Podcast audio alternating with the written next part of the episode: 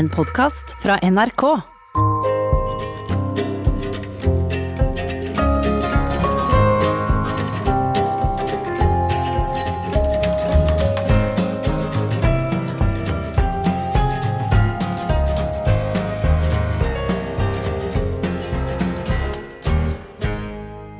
Som utøvende musiker er man enten i selve konsertøyeblikket eller på vei mot det. Man ser hele tiden framover, enten det er en musikalsk frase eller et prosjekt som skal landes.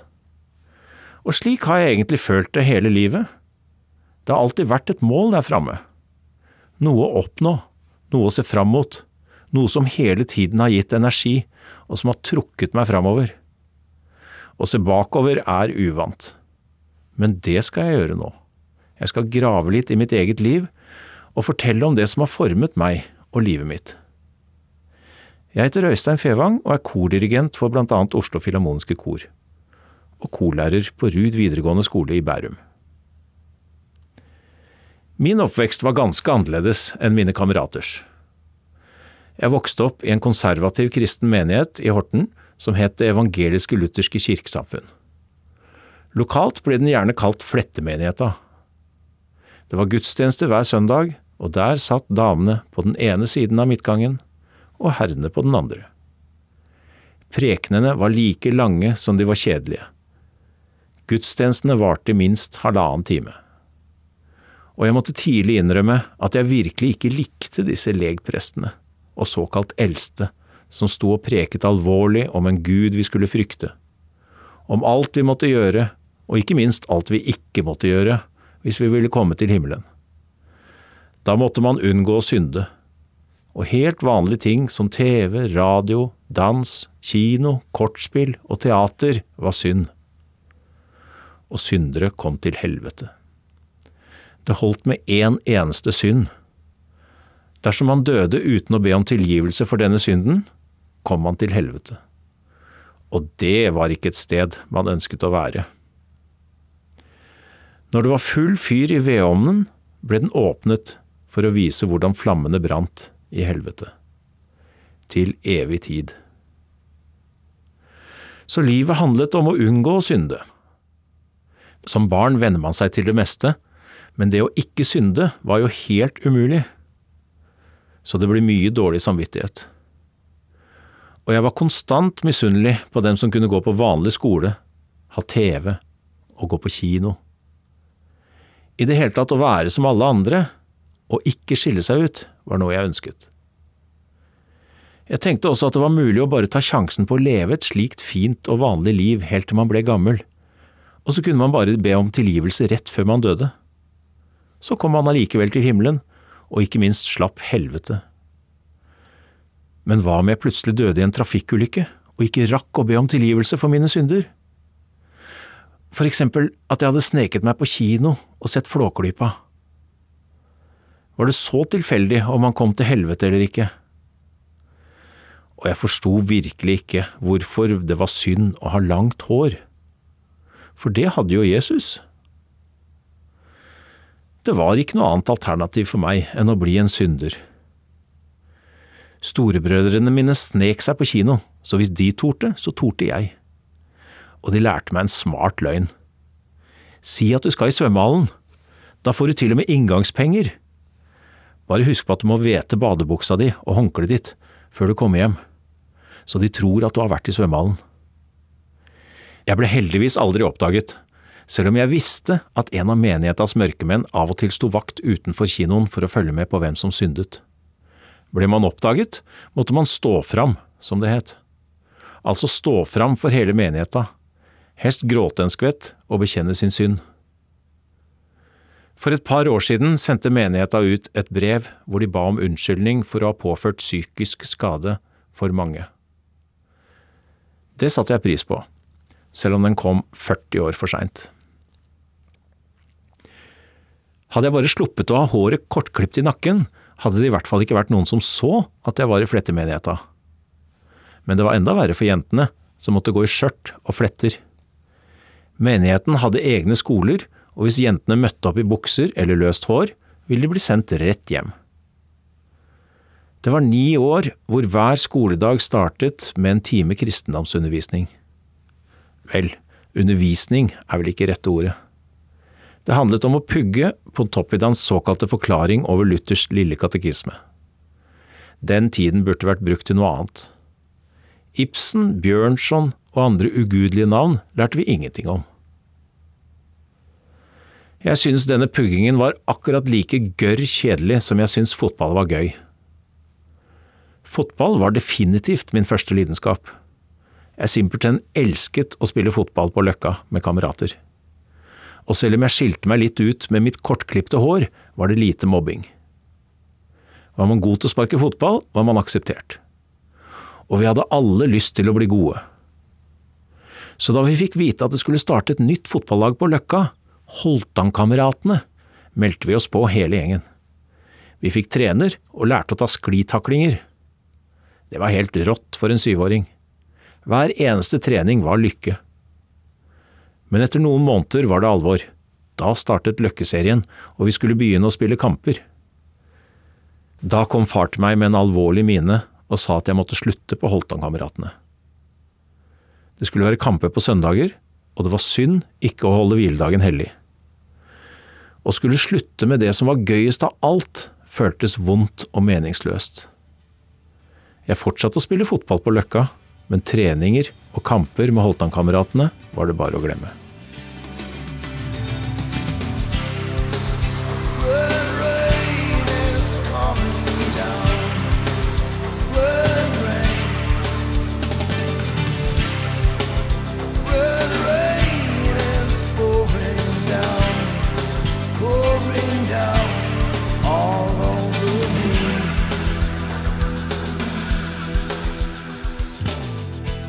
Å legge en langsiktig plan når du er syv år, er kanskje ikke så vanlig.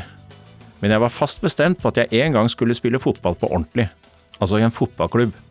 Jeg måtte bare bli gammel nok til å bestemme selv. Og den langsiktige planen var at når jeg hadde stått til konfirmasjon, da var jeg gammel nok. Så dagen etter konfirmasjonen meldte jeg meg inn i fotballklubben Ørn, og troppet opp på trening. Seks år hadde gått siden jeg måtte slutte i Holtan-kameratene, og jeg var overklar. Foreldrene mine sa ingenting denne gangen, men begeistret var de nok ikke. Noen ganger hvis jeg hadde skåret mål eller vært banens beste, kom det bilde av meg i avisene. Det var krise, for da ble mor kjempesur.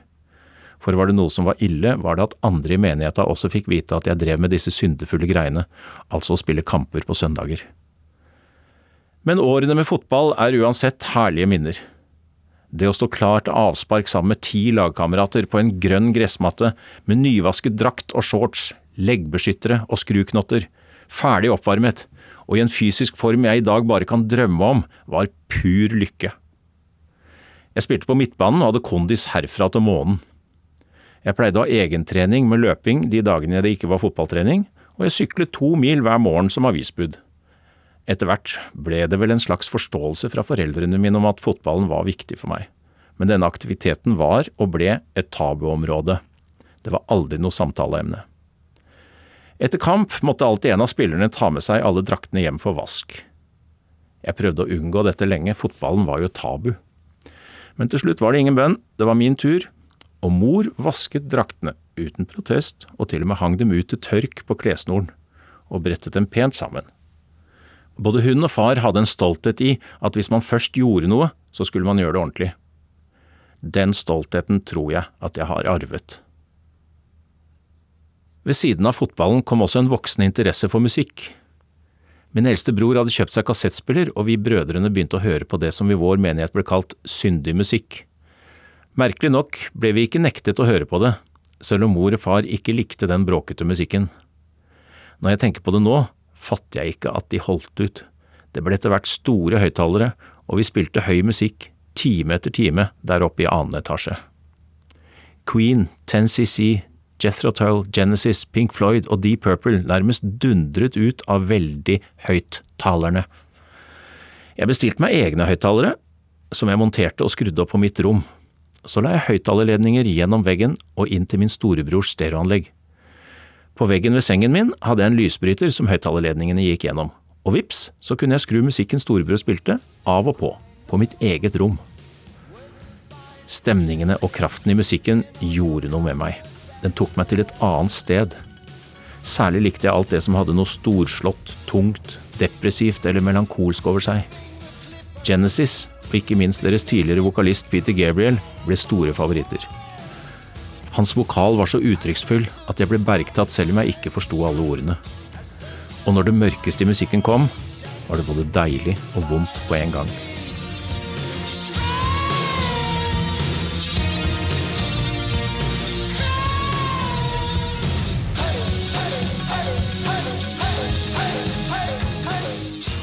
I menigheta og på skolen var musikk ensbetydende med salmesang. Hjemme var det også mye salmesang, men ikke bare.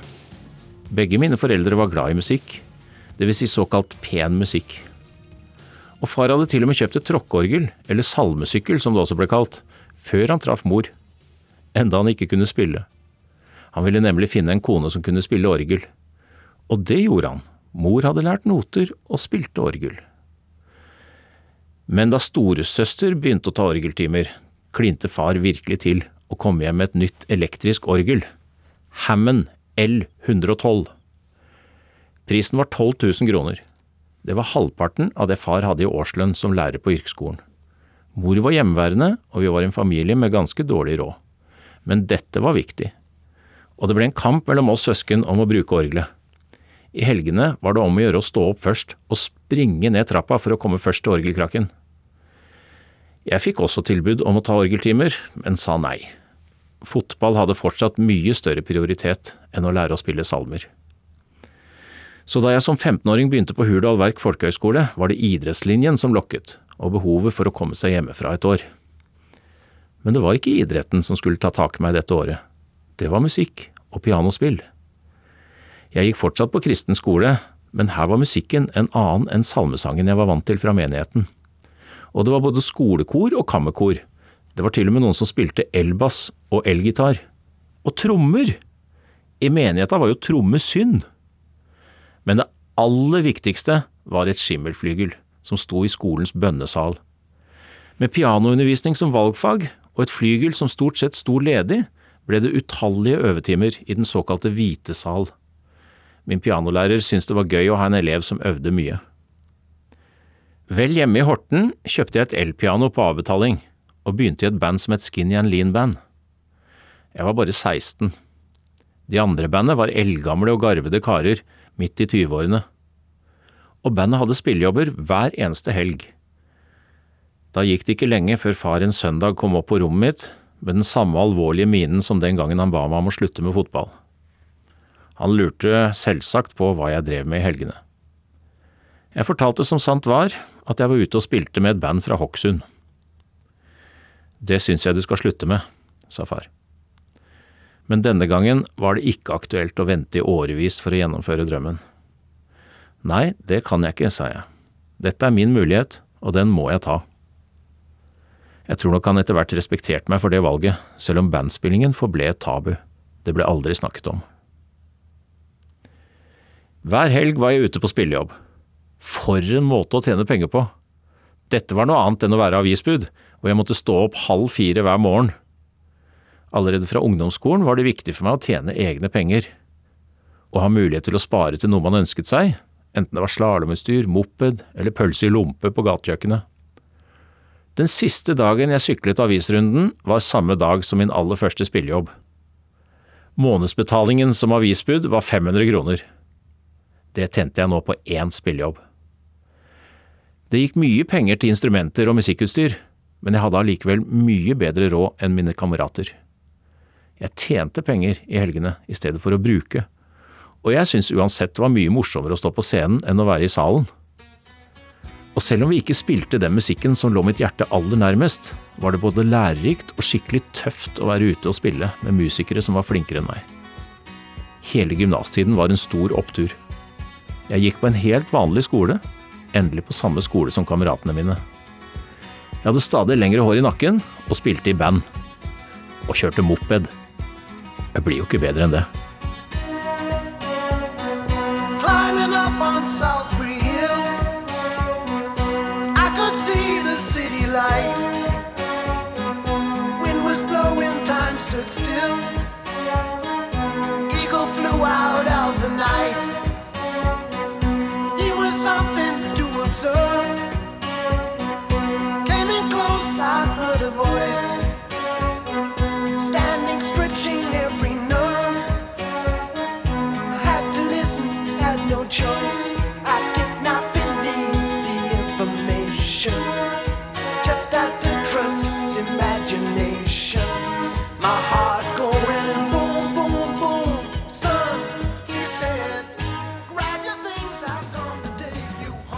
Det å møte motstand i ung alder formet meg. Alle de logiske bristene i det som ble forkynt i menigheta, fikk meg til å tenke selv. Jeg ble en stabukk, og tok tidlig kontrollen over eget liv. Jeg bodde hjemme mens jeg gikk på gymnaset, men levde et liv som mine foreldre hadde null innsyn i. Jeg bare dro av gårde i helgene og ble borte fra fredag til søndag, uten å si fra når jeg ville komme hjem.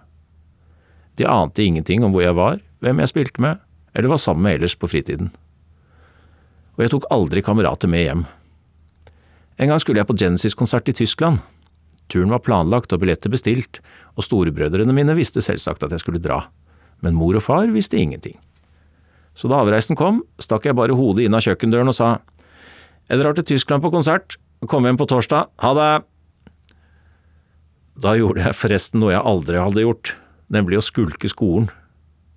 Læreren min blei småforbanna da jeg kom tilbake og fortalte at jeg hadde vært på konsert. Han mente jeg burde søkt om fri. Jeg svarte hva om jeg ikke hadde fått fri? Da hadde jeg dratt allikevel, og det hadde vært verre. Det var han for så vidt litt enig i, og bak den alvorlige minen tror jeg han smilte litt. Som voksen har jeg hatt et godt forhold til mine foreldre. De gjorde bare det de mente var best, ut fra deres ståsted, og fortiden får man uansett ikke endret. Og det at jeg måtte ta kontrollen over mitt eget liv, bidro helt klart til at jeg ble både sterk og målrettet, selv om det ofte ble noen omveier for å nå disse målene. Etter gymnaset ante jeg virkelig ikke hva jeg skulle gjøre. Å begynne på en eller annen musikkutdannelse var en fjern drøm, men jeg visste jo at jeg ikke var i nærheten god nok på piano til å komme inn på noe slikt. Så jeg fikk meg heller en fulltidsjobb i et band fra Gjøvik, som spilte rundt på utesteder og hoteller. Som 19-åring bryr man seg lite om uendelig mange timer på veien, slitne spillesteder, eller tre uker på turné i Nord-Norge i vinterkulde. Det viktigste var å komme ut og spille og få rutine. Og jeg begynte å synge også. Bandlederen mente at jeg hadde en bra stemme. Vi spilte i hver krok av landet, fra Storslett i nord til Mandal i sør, men særlig godt betalt fikk jeg ikke. Så etter et år måtte jeg videre. Det ble siviltjeneste på et sykehus i Bærum, og jeg begynte å ta pianotime igjen. Jeg hadde kjøpt et lite baby grand-flygel som jeg hadde på hybelen min, og øvde mye. Målet var å komme inn på Musikkonservatoriet. Jeg sjekket opptakskravene, og det sto blant annet at man måtte spille en av Bachs trestemmige invensjoner og en av Mozarts wienersonater. Notehefter ble innkjøpt, og jeg valgte et tilfeldig stykke fra hvert av heftene, og sa til pianolæreren at jeg ville lære disse. Jeg torde selvsagt ikke fortelle henne at jeg allerede hadde søkt på konservatoriet og skulle på opptaksprøver om noen uker. Hun var jo så streng og jeg var redd for at hun bare ville si at det var fullstendig fånyttes å søke. Jeg øvde som en gal. Men da opptaksprøvene kom, sviktet motet, og jeg ble hjemme. Jeg var overbevist om at jeg ikke ville komme inn. Konkurransen om å komme inn som klassisk pianist var beinhard. Det var egentlig bare å gi opp. Jeg måtte finne på noe annet, så jeg begynte å ta sangtimer. Etter første sangtimen sa min sanglærer Kjell Gjærevold jeg har aldri hørt deg spille piano, men jeg er ganske sikker på at du har bedre sjanse til å komme inn på sang enn piano. Skal vi jobbe mot det målet? Etter et snaut år stilte jeg opp til prøvesang på Østlandets musikkonservatorium. 56 sangere søkte, de tok inn fire. Den dagen jeg fikk brev om at jeg hadde kommet inn, var definitivt den viktigste dagen i hele mitt liv. Jeg var snart 24 år og hadde endelig kommet inn på en klassisk musikkutdannelse. Det var ikke til å tro. For meg var det ett fett om jeg studerte piano eller sang, så lenge jeg visste at det var musikk jeg skulle holde på med. Resten av livet. Da jeg i august møtte til første time hos operasanger Egil Frostmann, en berømt tenor med stor internasjonal karriere, da var jeg spent. Han tok fram notatene han hadde gjort under opptaksprøven, og leste for meg. Øystein Fevang, bariton veldig uferdig. Så sa han, la oss begynne, Gjenta etter meg. Ea,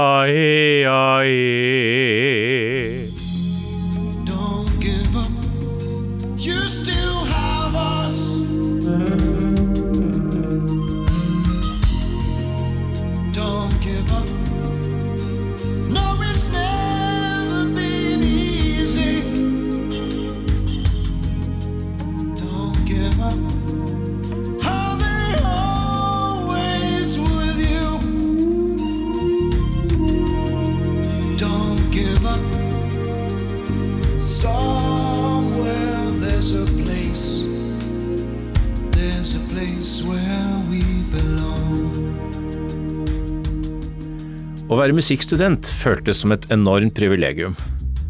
Hele tiden inspirasjon fra superdyktige lærere og medstudenter. Men også litt skummelt. Jeg hadde riktignok allerede mye erfaring, men ikke den samme klassiske skoleringen som mine medstudenter, som gjerne hadde gått både på musikklinje på gymnaset og på Toneheim folkehøgskole, før de tok fatt på høyere utdanning. Jeg var, som sanglærer Frostmann sa, veldig uferdig og på andre året skulle vi appåtil ha et fag som het kordireksjon. Skumlere kunne det ikke bli. Og den dagen det var min tur til å dirigere medstudentene, ble jeg rett og slett hjemme. Dagen etter tok jeg en prat med korlærer Svein Møller og spurte fortvilet hvordan jeg i all verden skulle komme meg gjennom dette faget. Skaff deg et kor, så får du øve deg, sa han. Jeg gikk rett ut i gangen og plukket ned en lapp på oppslagstavlen hvor det var et kor som søkte dirigent. Det het Koret Christiansen, og det viste seg at de hittil hadde klart seg uten innleid dirigent. Jeg var nødt til å tenke som Pippi Langstrømpe. Dette har jeg aldri gjort før, så det klarer jeg helt sikkert. Det fikk briste eller bære. Heldigvis bar det. Ikke bare kom jeg gjennom faget, men dette var jo faktisk veldig gøy. Og plutselig var jeg dirigent for et kor til, og så enda et. Og så fikk jeg en liten stilling på en musikklinje på St. Halvard videregående i Lier, og plutselig ble det mange forespørsler om å være sangsolist. Da sluttet jeg med bandspillingen. Jeg var jo fortsatt student, men jobbet allerede mer enn lærerne mine. Jeg sa ja til alt. Det var skikkelig travelt. Men det å jobbe med kor var helt spesielt. Det å dirigere var et kick. Men jeg trengte å lære mer, så det ble en master i korledelse på Norges musikkhøgskole. Og kordirigering har jo blitt den viktigste delen av mitt liv som musiker. Og som korlærer i 24 år på Ruud videregående skole i Bærum, har jeg hele tiden det privilegiet å forme klangen til et tresifret antall påvirkelige ungdommer. Jeg jobber etter prinsippet om at det er fullt mulig å ha store faglige ambisjoner, samtidig som man bruker humor som en viktig del av trivselfaktoren.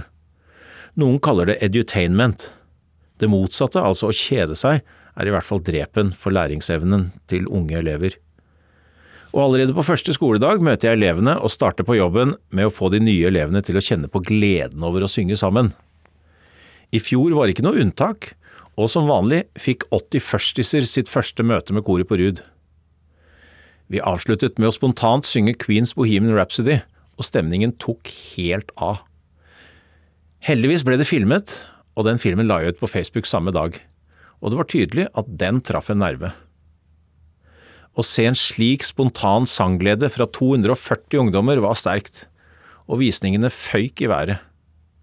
Men virkelig viralt gikk den først etter at selveste Queen delte min status og skrev We love this sing-along with Øystein Fevang in Norway. Det var stort for en som hadde vært Queen-fan i mer enn 40 år. Da blei det mye oppmerksomhet, og videoen er nå sett 3,7 millioner ganger. Men det fineste var egentlig en av elevene som uttalte seg til lokalavisen og sa Vi opplevde dette ikke så spesielt, det er jo slik vi pleier å ha det. Og det er jo slik vi pleier å ha det, selv om det er de store klassiske verkene som står på programmet når vi holder konserter. Da er det Mozarts rekvem eller C-mollmessen, Forés rekvem, Hendels Messias som gjelder. Det er hard jobbing og mye å lære, men når konsertdagen er der, og elevene får på seg finstasen, retter ryggen og synger et av de store klassiske verkene, er det verdt all jobbingen og terpingen. Det er årets beste dag på jobben. Jeg ser at de elsker det. Der og da skjønner ungdommen storheten i å løfte sammen, og det å være med på noe som er mye større enn seg selv.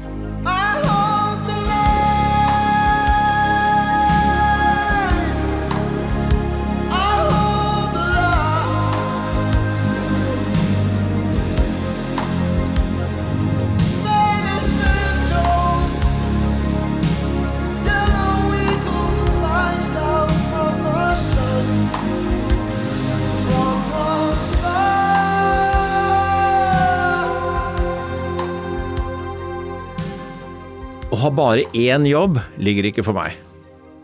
Ved siden av undervisning og kordirigering har det i alle år vært frilansjobber av ymse slag. Jeg har noen gang følt meg som både en musikalsk prostituert og en potet. Men det har vært gøy å jobbe med så mange forskjellige folk.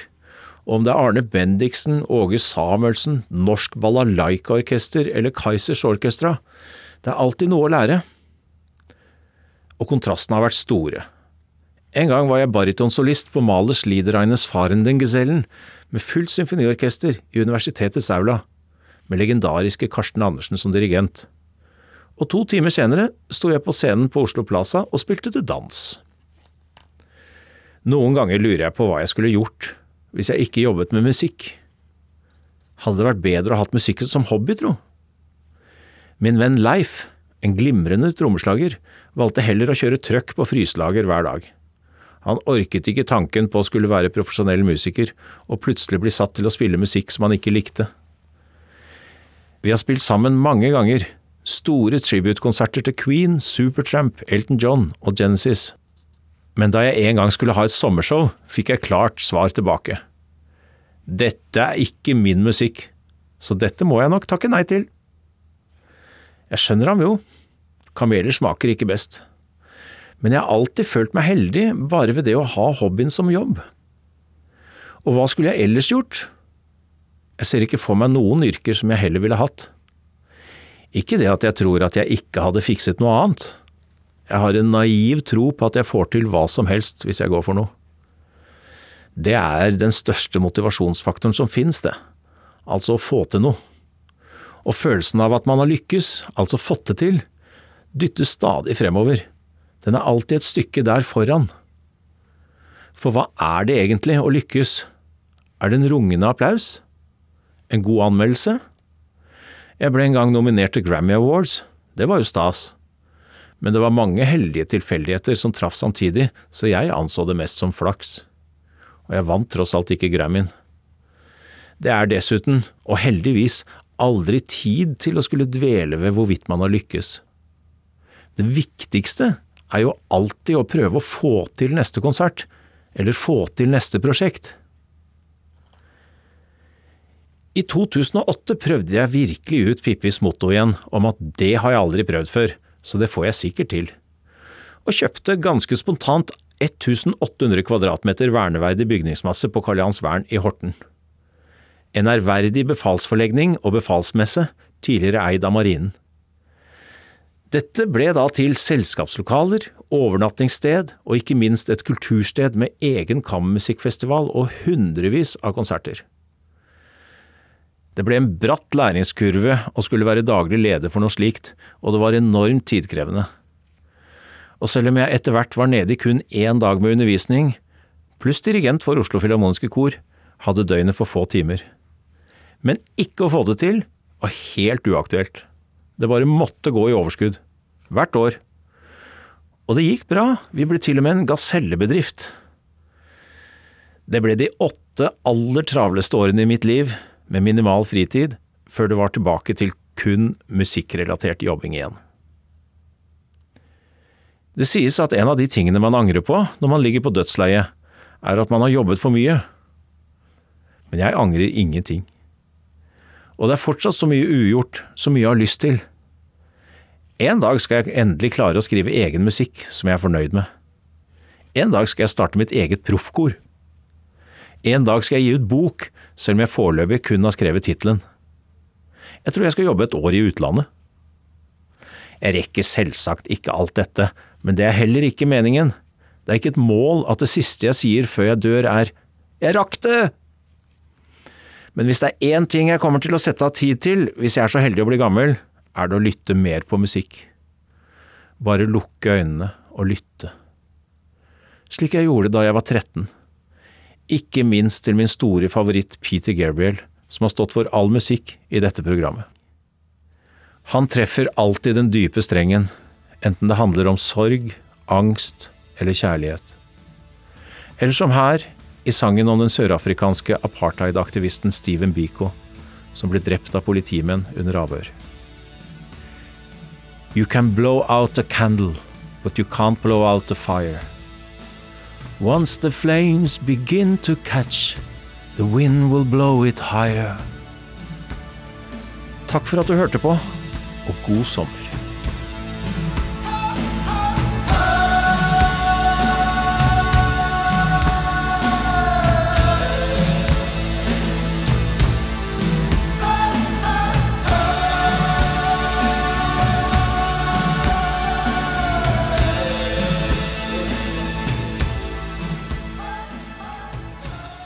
Var podkastversjonen av Sommer i P2 med Øystein Fevang.